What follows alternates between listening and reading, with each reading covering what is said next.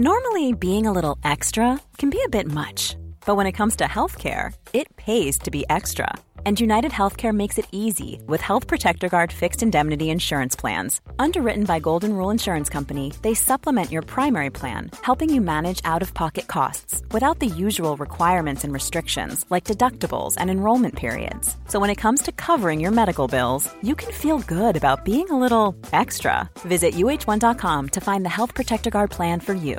Quality sleep is essential for boosting energy, recovery, and well being. So, take your sleep to the next level with Sleep Number. With a Sleep Number smart bed, you can individualize your comfort level and enjoy a better sleep night after night. JD Power ranks Sleep Number number 1 in customer satisfaction with mattresses purchased in-store. And now the Queen Sleep Number C4 smart bed is only $1,599, a saving of $300, only for a limited time. For JD Power 2023 award information, visit jdpower.com/awards. Only at Sleep Number stores or sleepnumber.com.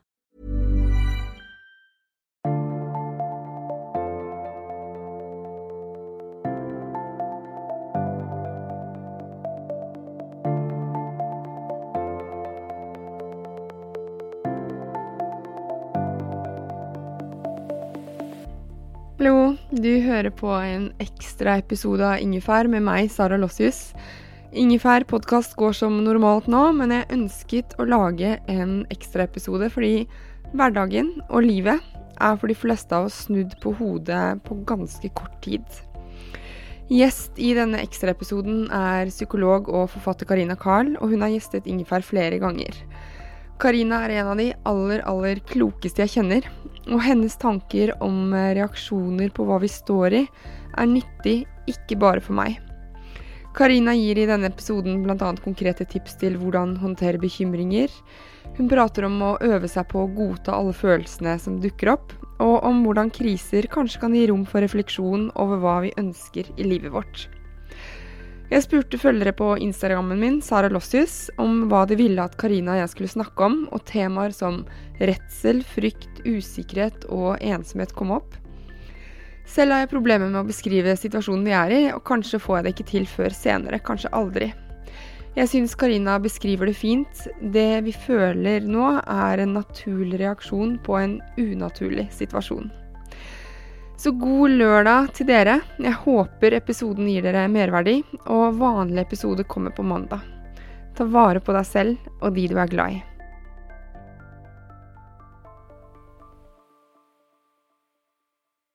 Karina, tusen takk for at du ville være med på en ekstra episode av Ingefær.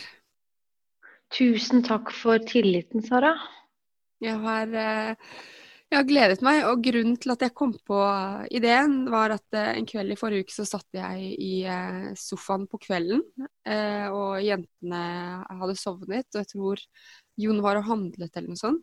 Og da kjente jeg på den Plutselig så, så, så ble jeg overmannet og tenkte sånn Sånn kjennes det å være skikkelig, skikkelig redd ut.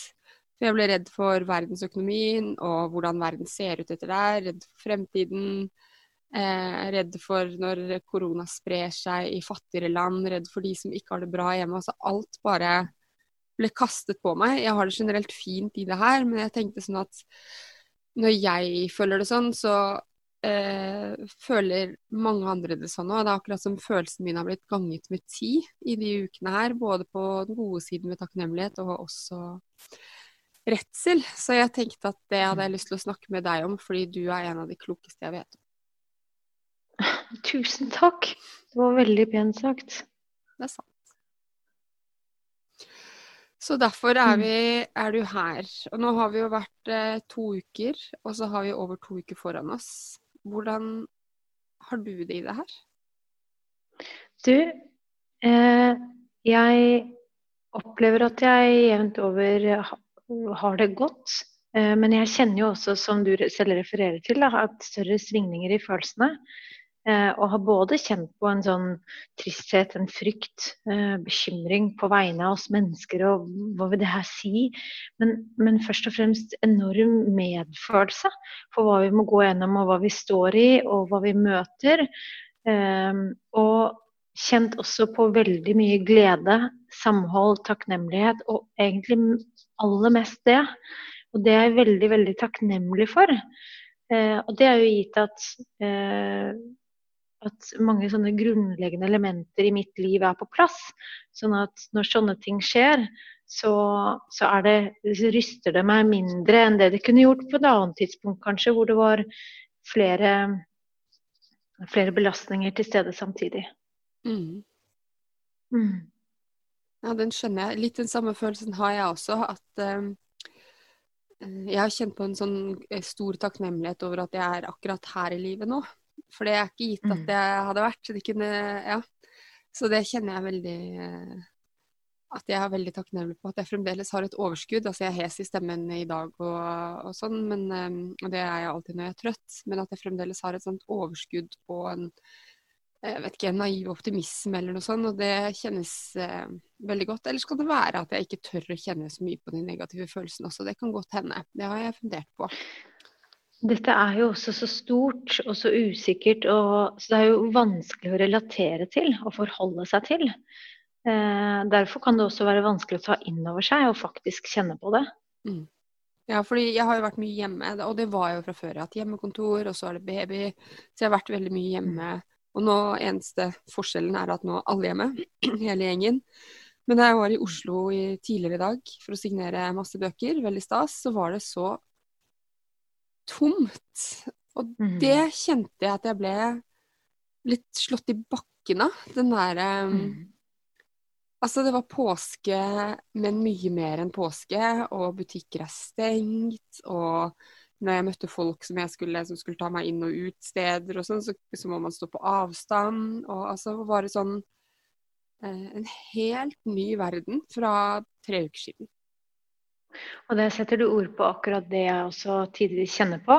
Det er noen situasjoner eh, hvor det blir ekstra tydelig og synlig. Da. Det blir veldig distinkt, det vi står i. Og det gir en sånn liksom, guffen, ubehagelig, eh, ensom, stille, eh, skremmende Det er et eller annet sånn ubehagelig ved den følelsen. Mm. Der satte du ord på mye av det som jeg også selv har kjent på tidvis. Når det blir veldig tydelig og synlig. Ja, for det er også mm. sånn at uh, Altså, jeg bodde i Oslo i så mange år, og det er på en måte byen min, selv om jeg ikke vokste opp der. Og, men nå var det fremmed by, altså. Mm. Er, eh, men man, man, eh, er, jeg syns også det er interessant det er hvor fort man venner seg til ting. Altså, jentene mine er allerede vant til uh, at vi ikke er i barnehage og på skole, f.eks. Lisen på fire måneder skjønner jo mm. ingenting, det er bare mer bråk på dagtid. Men i hvert fall vi har veldig er liksom godtatt at sånn er det nå. Og vi mennesker er jo bygget for overlevelse. Vi er ekstremt tilpasningsdyktige. Så jeg tenker at når dette, når det første og største sjokket legger seg, så vil de aller fleste på en eller annen finurlig måte finne en eller annen trygghet i det utrygge. Og en eller annen sånn forutsigbar rytme i det uforutsigbare. Mm. Um, og da kunne lande litt mer i det. Mm. Jeg spurte jo følgerne mine på Instagram om eh, de hadde spørsmål til deg, eller til oss, men det er til mm. deg. Eh, og de handlet mye om eh, usikkerhet, det å finne trygghet, ro, bekymringer og redsel. Eh, hvis jeg mm. kan samle det i bolker, da. Så eh, hvordan, hvordan finner man trygghet i usikkerhet og angst rundt en sånn situasjon som det her? Og det er jo veldig forskjellig fra person til person hvordan den usikkerheten, utryggheten, angsten Her snakker vi, bruker vi forskjellige typer ord som kanskje er eh, som representerer en ulik eh, en spennvidde da, mm. eh, innenfor fryktregisteret. Eh, og det er jo veldig ulikt hvordan, hvordan følelser erfares, hvor overveldende de blir, hva slags erfaring man har med å stå i følelser. Eh, så for eh, ulike mennesker så vil det nok være litt ulike opplevelser og erfaringer, og derfor også ulike faktorer som gjør at man kjenner på en trygghet.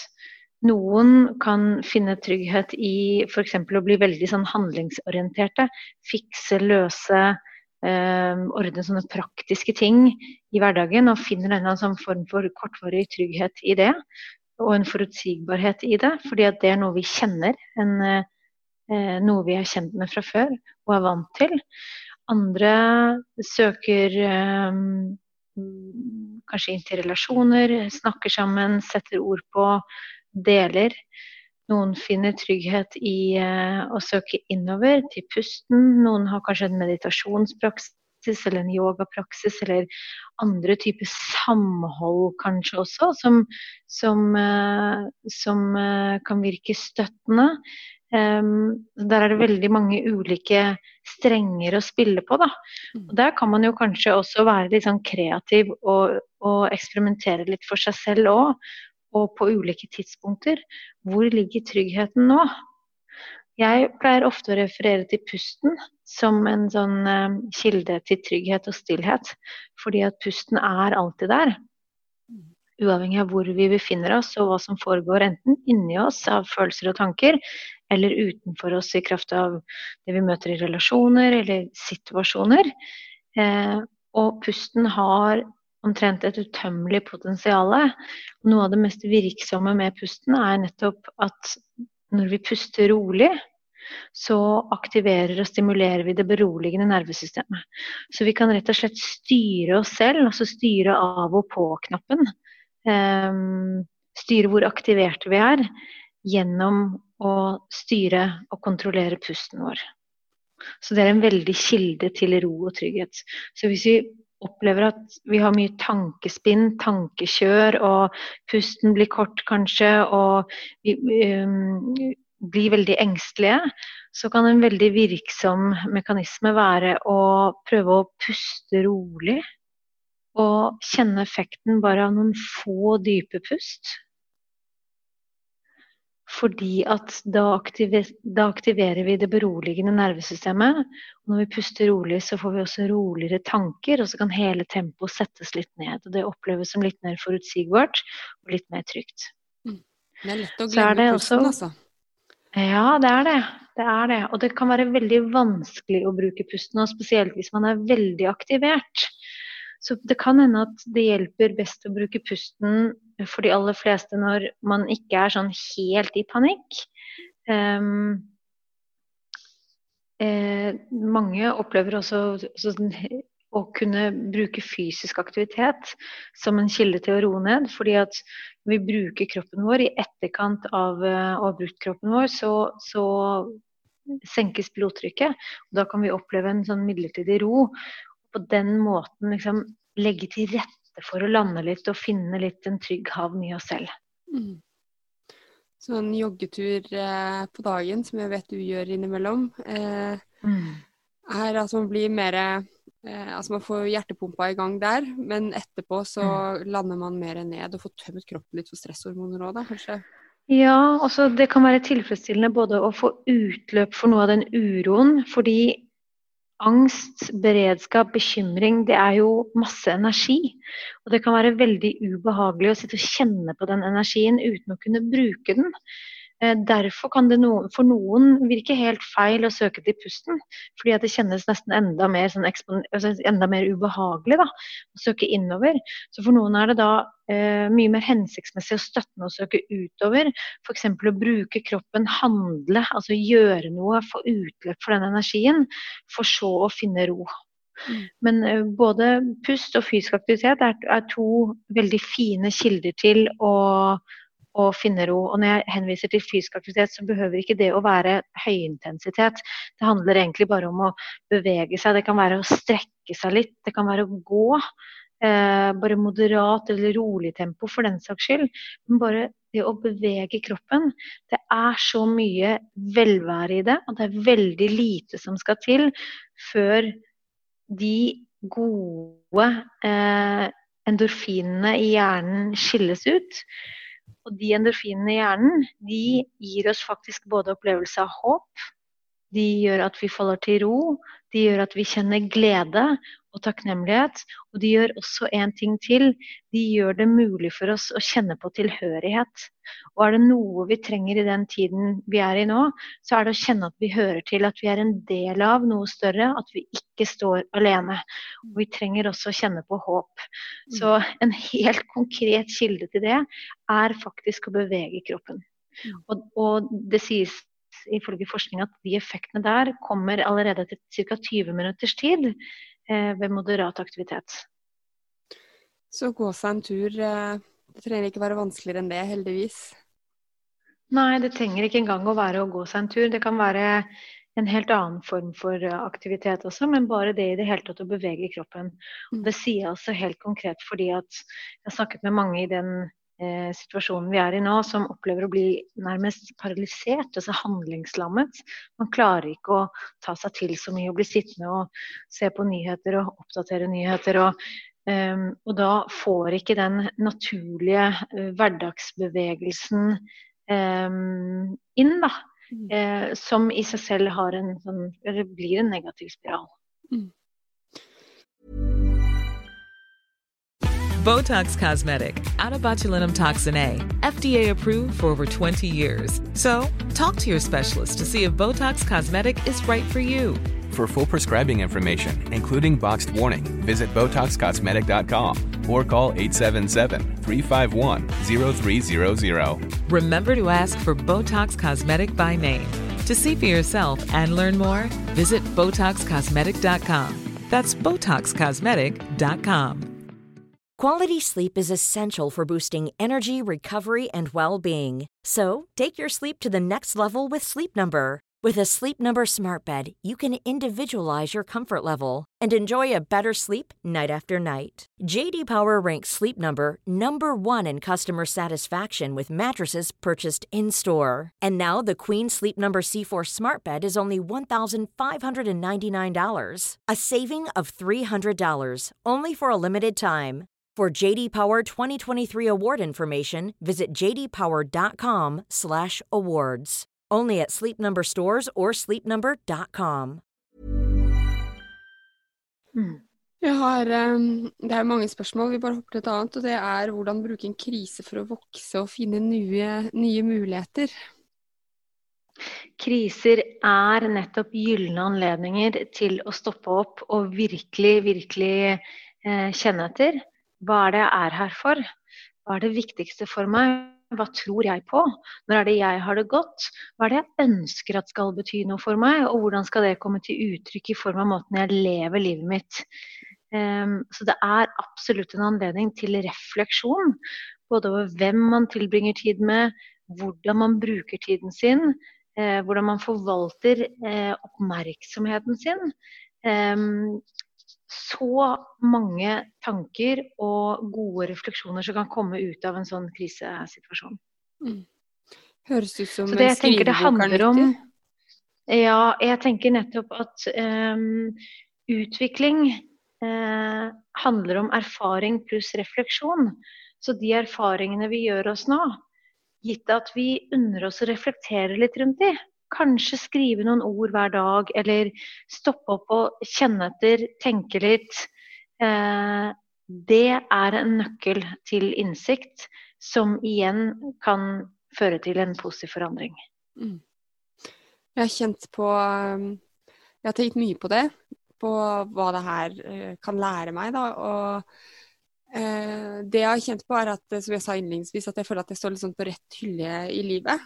Og det er mm. veldig deilig. Og så kjenner jeg også på at For det blir jo som en slags faste, ikke sant, med at man ikke kan gjøre så mye. Altså frihet Vi er jo tatt fra det meste av det vi kan gjøre til vanlig. Eh, og jeg mm. kjenner at visse ting savner jeg, og visse ting savner jeg ikke i det hele tatt. Og det jeg ikke savner, er jo noe jeg ikke trenger å fylle livet mitt med når det er mulig å gjøre det igjen. Og det er mm. ganske deilig å kjenne på. Det gir nettopp en anledning til savn. Til å kjenne savn og legge merke til hva er det jeg savner. Og det er en, det er en god opplevelse. Altså, savn kan jo være smertefullt, men det gir retning. Og savn eh, tilhører jo sorg, som er en grunnfølelse. Og grunnfølelsene våre har en funksjon. Så sorg har den funksjonen at det gir oss anledning til å trekke oss tilbake og reflektere over hva som egentlig betyr noe for oss. Ja, det gjør det. Jeg gråt her om dagen på badegulvet fordi eh, svigerforeldrene mine eh, Jeg viste jeg facetimet med de da, med lille Lisen som lå naken og lubben på, på badegulvet og ble skiftet på. Så skulle de få lov til å se babyen. Eh, og da gråt jeg fordi de ikke kunne feire Ellie som ble syv år da, her om dagen. Eh, fordi, og det kjente jeg sånn Det var skikkelig trist, for de kom og leverte Mm. boller og rundstykker på døren og en gave og sånn på kvelden da, uten at, mens Ellie sov. Sånn at vi hadde det i Mm. frokostdagen etterpå. Men samtidig som det var skikkelig trist, så var jeg også sånn Å, så fint at jeg liker svigers så godt at jeg kan grine litt. Det bringer meg også um, inn på noe annet, tenker jeg, Sara, det du sier der. Fordi at det å gi seg selv lov til å gråte, Mm. jeg tenker at det er så viktig, da. Det, eh, tilbake til det første spørsmålet, hvordan finne trygghet i dette? Jeg tenker å tillate følelser.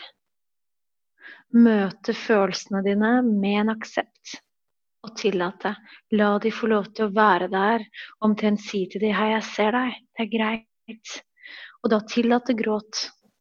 Gi seg selv lov til å være sint eller frustrert, lei seg, hva enn man føler, uten å vurdere eller dømme, men faktisk tillate. Det i seg selv kan virke beroligende, og det kan virke tryggende. Ja, for jeg tenker hvis, eh, hvis det er sånn at eh, nei, jeg vil ikke være redd, eller nei, jeg vil ikke være lei meg av den situasjonen, eller noe sånt, så jeg vil tro at det er helt naturlig for de aller fleste av oss å gå igjennom alle følelsene omtrent i løpet av en dag eller en time, fordi det er, det er så utrolig nytt. Er, vi har aldri opplevd noe lignende. Så det er jo, det vil, altså det er jo helt naturlig at man eh, våkner lei seg og sint, f.eks. Det er helt naturlig nå å erfare et helt annet spenningsnivå eh, i følelsesregisteret. At eh, de svinger både mye raskere og mye mer voldsomt. Uten at man trenger å bli bekymret eller engstelig for det. Men å se på det som en naturlig reaksjon på en høyst unaturlig situasjon. Mm. Mm. Og så er det en som lurer på eh, hvordan man kan håndtere bekymringer om fremtiden på kortere og lengre sikt. Og det, det er litt sammen med neste er eh, tips til aksept og sjelefred for oss som er permitterte. Altså utrygghet med familie og Mm. penger og hus. Mm. Og først og fremst eh, enorm respekt og medfølelse, og det aller, aller først. Dette er brutalt for veldig mange, Mm. og veldig eksistensielt for veldig mange. Eh, og det er jo også tilbake til det du spurte meg om hvordan jeg har det i det her. Jeg kjenner veldig på det, hvor mange det rammer.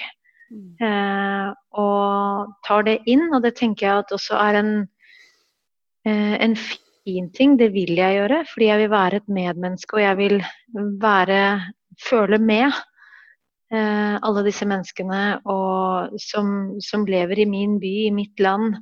Eh, og sammen så, så har vi et fellesskap. Og det tenker jeg er en måte å føle et sånt fellesskap på. Mm. Eh, men jeg tenker at det er mange måter å gå til bekymringer på. Eh, og der er det også litt ulikt hva som virker for den enkelte. Men eh, veldig virksom kan være for det første skrive de ned. Forhold deg til bekymringene dine på skrift. For det første da så eh, setter du tempo på tankene og bekymringene litt ned når du blir nødt til å konsentrere deg om å skrive. Du skaper en avstand, en distanse til dem, i kraft av å se dem sort på hvitt. Og da trenger du ikke å identifisere deg med dem. Du er ikke bekymringene dine, du er den som erfarer dem. Da kan du også kanskje forstå hvilket avtrykk de setter i følelsesregisteret, og fysiologisk i kroppen din, i tillegg til kanskje å virke inn på handlingene dine. Eh, og derfra, når du har fått det ned på skrift, så kan du begynne å forholde deg til det på en konstruktiv måte.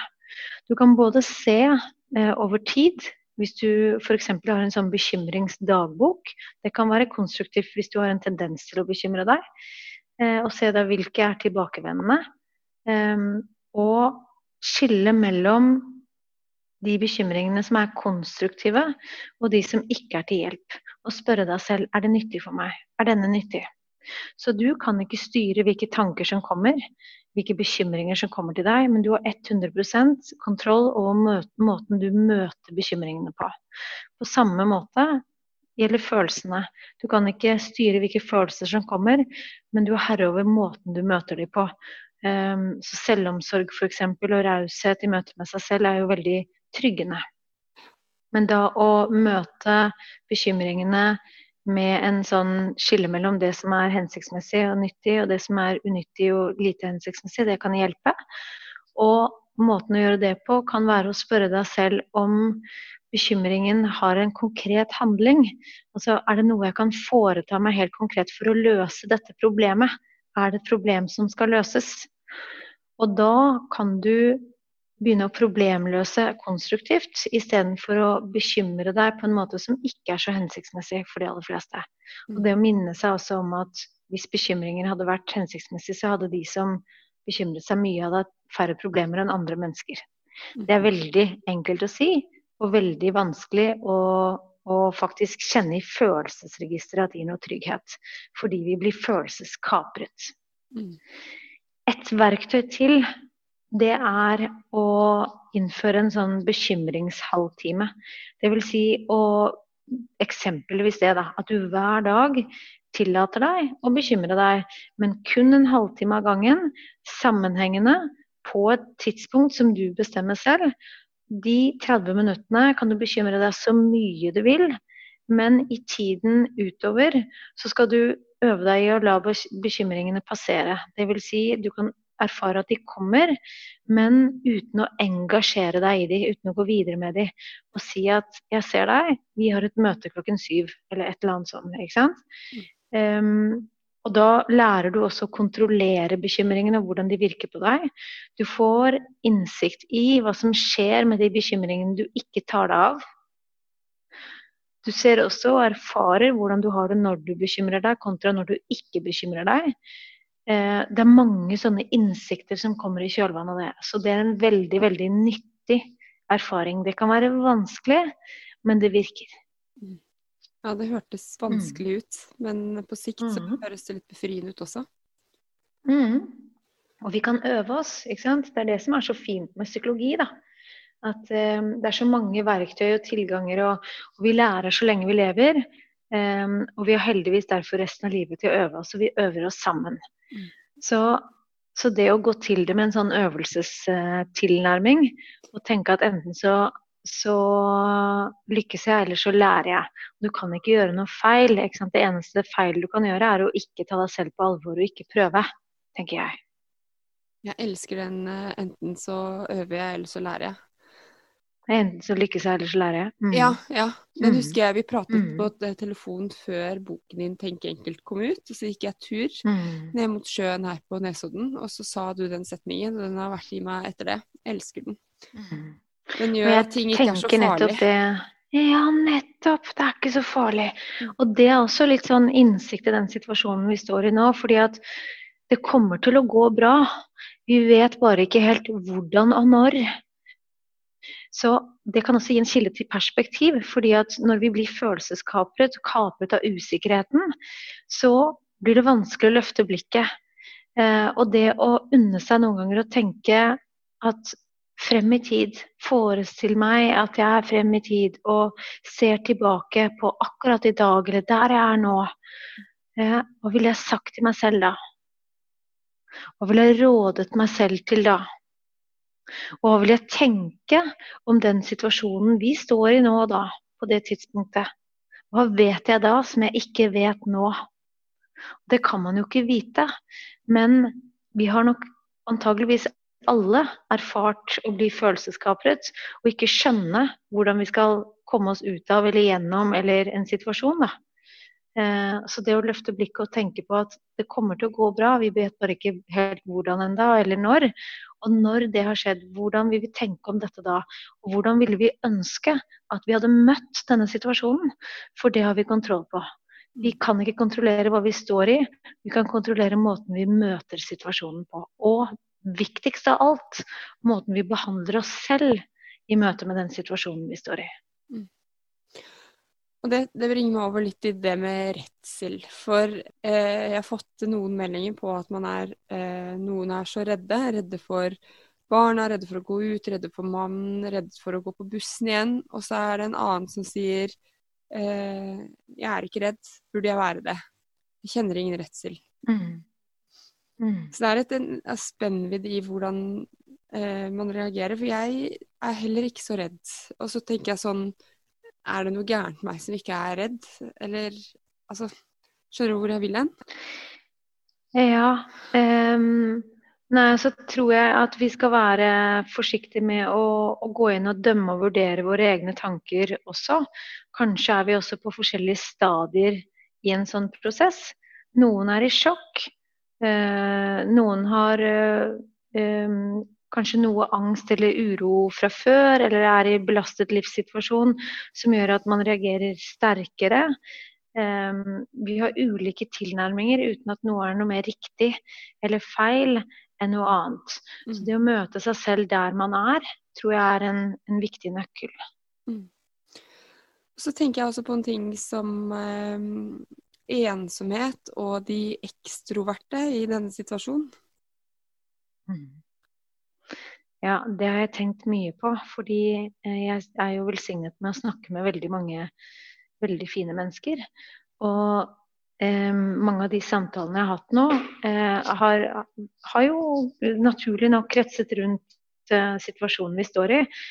Og det jeg reflekterer rundt, er at eh, de jeg snakker med som er dominert av en introvert natur, som trives og tanker opp i eget selskap, um, de har det ganske OK i den situasjonen vi står i nå. Gitt at de har det godt med seg selv og sine nærmeste, og ikke har noen sånn veldig store belastninger for øvrig. Men mennesker som er dominert av ekstroverte egenskaper, dvs. Si at de, de nærer av sosialt samhold, og møtes, eh, ses gjerne mange mennesker, eh, mye stimuli. Det er det det handler om. Og det å, å bli eksponert for stimuli. Og den, den, en ekstrovert, sagt, sagt, veldig kategorisk, vil oppleve å stimuleres og få økt energi i kraft av at det er mye stimuli. De vil nok potensielt lide mer av en sånn isolert tilværelse. Eh, og da tenker jeg at det er ekstra viktig å søke ut og prøve å skape aktivitet og stimuli nå i andre former enn det man er vant til fra før. Og det kan være eh, avtale eh, og snakkes med venner, eh, gjerne kanskje flere, over internett. Eh, andre typer aktiviteter man normalt gjør som man ikke kan gjøre nå prøve å finne en ny og tilpasset form i den situasjonen vi befinner oss i. Så langt det kan la seg gjøre. I tillegg til å møte sine egne reaksjoner med aksept, ta seg selv på alvor. Og så har jeg også lyst til å snakke litt om type moralpoliti. Eh, eh, mm. Fordi eh, jeg leste en Det var vel en artikkel på Agenda som, eh, som, reflekterte litt rundt at først var det så mye kjærlighet på sosiale medier, og nå er det mer sånn ja, det forbanna hyttefolket, eller eh, folk må jo skjønne at man bare må holde seg inne og sånn. Og så tenker jeg at ingen vet hva andre står i. Eh, at noen kanskje må komme seg ut av hjemmet fordi det er giftig stemning der, eller eh, eller at man er ensom og tar en kaffe på avstand med en venn redder den dagen. Så at man skal være litt mm. sånn Jeg tenker at eh, Da blir jeg kanskje litt moralistisk, men at eh, At alle reagerer veldig ulikt i den situasjonen her, og, og at eh, jeg også skal vokte meg for å mene for mye om andres meninger og reaksjoner. Mm. Vi reagerer ulikt. Eh, og når vi møter en usikkerhet i den grad vi gjør nå, så kan det noen ganger omtrent føles litt trygt å ta tak i de konkrete tingene. Det kan være nettopp å kommentere på naboen som drar på hytta, eller eh, det kan være å, å, rydde eller vaske overdrevet mye f.eks. Eller eh, de tingene som er konkrete og håndterbare, da, de, de, man kan ta tak i. Mm. Når det blir så overveldende og, og uhåndgripelig. Gir det mening? Mm. Ja, det gir absolutt mening. Mm. Det, jeg merker jo at jeg har bare lyst til å gå inn i jobb. Sånn, ja. det, det, er sikkert min eh, Altså, jeg liker jo å jobbe, men jeg tenker også eh, I boken min så eh, har jeg Anja Hammerseng Edin som kilde, og hun snakker om da hun var ti dager på sånn silent retreat. Og da kan man jo mm. ikke snakke med noen, og da oppdaget hun at mange av de tingene hun gjør som egentlig er bra for henne, også kan være en sånn fluktvei. Som når man møter negative tanker, da, som å trene eller ringe kona si, som hun gjorde. Og for meg så tror jeg nok at jobbing er, også, er kjempebra. Men jeg tror også det mm. å jobbe mye på et vis kan være en flukt for meg, å ikke gå inn i det som jeg syns er vanskelig. Mm. Absolutt. Vi har jo noen sånne styrker eller kvaliteter ved oss alle. Um, og alle styrker og kvaliteter kan få et overslag. Vi kan rett og slett ende med å overbruke de. Så, og det uten at det er noe feil eller riktig med det, men å være oppmerksom på det. Hva er jeg tilbøyelig til? Hva er mine mønstre? Sånn at man kan styre seg selv på en, på en mest mulig hensiktsmessig måte. Mm. Du, mm. eh, noen siste ting, og det er jo at nå eh, Det er mange som eh, bor og går oppå hverandre om dagen. Mm -hmm. Um, tips til å f.eks. ikke ha veldig kort lunte, eller til å ta vare på seg selv når man uh, føler at man ikke får puste. Hvis man f.eks. samtidig må jobbe og hjemmeskole, eller har en tenåring som bare klikker fordi hun må være mye med mammaen eller pappaen sin, eller mm. Uh, hvordan, og Det er jo egenomsorg som du har snakket om. ikke sant? For jeg tenker at det, er, mm. at det er nyttig med egenomsorg i denne tiden her. Hva er dine mm. råd for det? Um, det handler jo først og fremst om å, å lytte til seg selv. Da, og definere hva er selvomsorg for meg. Mm. Hvordan kan jeg ta vare på meg selv? Hva trenger jeg nå? Og det er presset for mange å gå oppå hverandre i en hverdag. Og er det muligheter for å få noe frirom? Hvordan kan det være? Og Kanskje man kan sette det på agendaen for hele familien, sånn at det blir et sånn felles prosjekt, hvis man er flere. da. Og, og sikre at man har det bra sammen ved at alle får sin plass på den måten uh, hver især trenger det. Mm. Det kan også være en anledning for familien eller en, en, en husstand å faktisk reflektere over verdier og bli tydeligere i hva det er vi skal prioritere. Hva skal være viktig for oss? Så det, på mange måter så blir det også en anledning, hvis man ser det sånn, til å bli enda tettere, nærmere, mer definerte, mer verdiorienterte. At det faktisk kommer veldig mye fint ut av det. Eh, og så tenker jeg også å sette eh, hygge, kos, eh, fine ting på agendaen. Så, og ekstra viktig når, når hverdagen kanskje går opp i i plikt å, og prøve å, å, få dekket alle områder. En skal jobbe, og en annen skal gjøre lekser, og den tredje skal ikke sant? Og prøve å sette sånn, et sånn hyggepunkt, og så sette det på agendaen faktisk for å sikre at man også har det hyggelig sammen, og fokusere på det i tillegg. Mm. Jeg har uh, hørt i dag at uh, puslespill selges ja. uh, altså så mye. Og det er jo hyggelig for de fleste. Ja, det er veldig fint også fordi at det gir en anledning til å fordype seg. Mm. Så, og konsentrere seg. Og hva skjer med hodet vårt da? Jo, da blir det stille og rolig. Og da kan vi oppleve trygghet, og da kan vi oppleve tilfredshet. Mm. Så puslespill kan også være en anledning for ytre fokus. Fokus bort fra bekymringer, f.eks. Det kan være en anledning til å gjøre noe sammen. Oppleve tilhørighet og samhold og til å dyrke konsentrasjon, fokusert oppmerksomhet, og til å oppleve nettopp flow, at man glemmer litt tid og sted. Og det er jo forenlig med å kjenne på en sånn lykkefølelse, koblet til opplevelsen av, av det flåsete ordet lykke. Så det, er, det, kan virke inn på så mange måter. Mm. Du, siste, eh, og det er det jeg lurer på. Hvis man nå er i en livssituasjon som man innser at Altså vi snakket om Jeg har blitt, uh, fått uh, bekreftet at jeg har det fint. Det har du også på mange måter. Men så er det noen som får bekreftet at nei, det stedet jeg er i livet har jeg faktisk ikke lyst til å være, eller er et vondt sted i livet. Mm. Eh, hva, hva, hva tenker du om det? Jeg vet ikke hva sånn spørsmålet skal være, men hvis man lever i et vondt forhold eller hva som helst, eller at man innser at man er, faktisk er ensom, eller Mm. For man kjenner vel er ekstra det på det. effekten Ja, nettopp. Det er den effekten eh, denne situasjonen vi alle er i, har. Eh, så de som har det godt hjemme, blir bekreftet i det og er takknemlige for det. Og de som ikke har det godt, de får virkelig en anledning til å ta seg selv på alvor eh, og ta ansvar for det de står i, hva det enn måtte innebære. Det er så brutalt. Mm. Det er så brutalt. Eh, men kanskje er det også tilsvarende viktig for nettopp å skulle ha det godt. Kanskje er det nødvendig. Og kanskje er det det som skal til for å skape en forandring.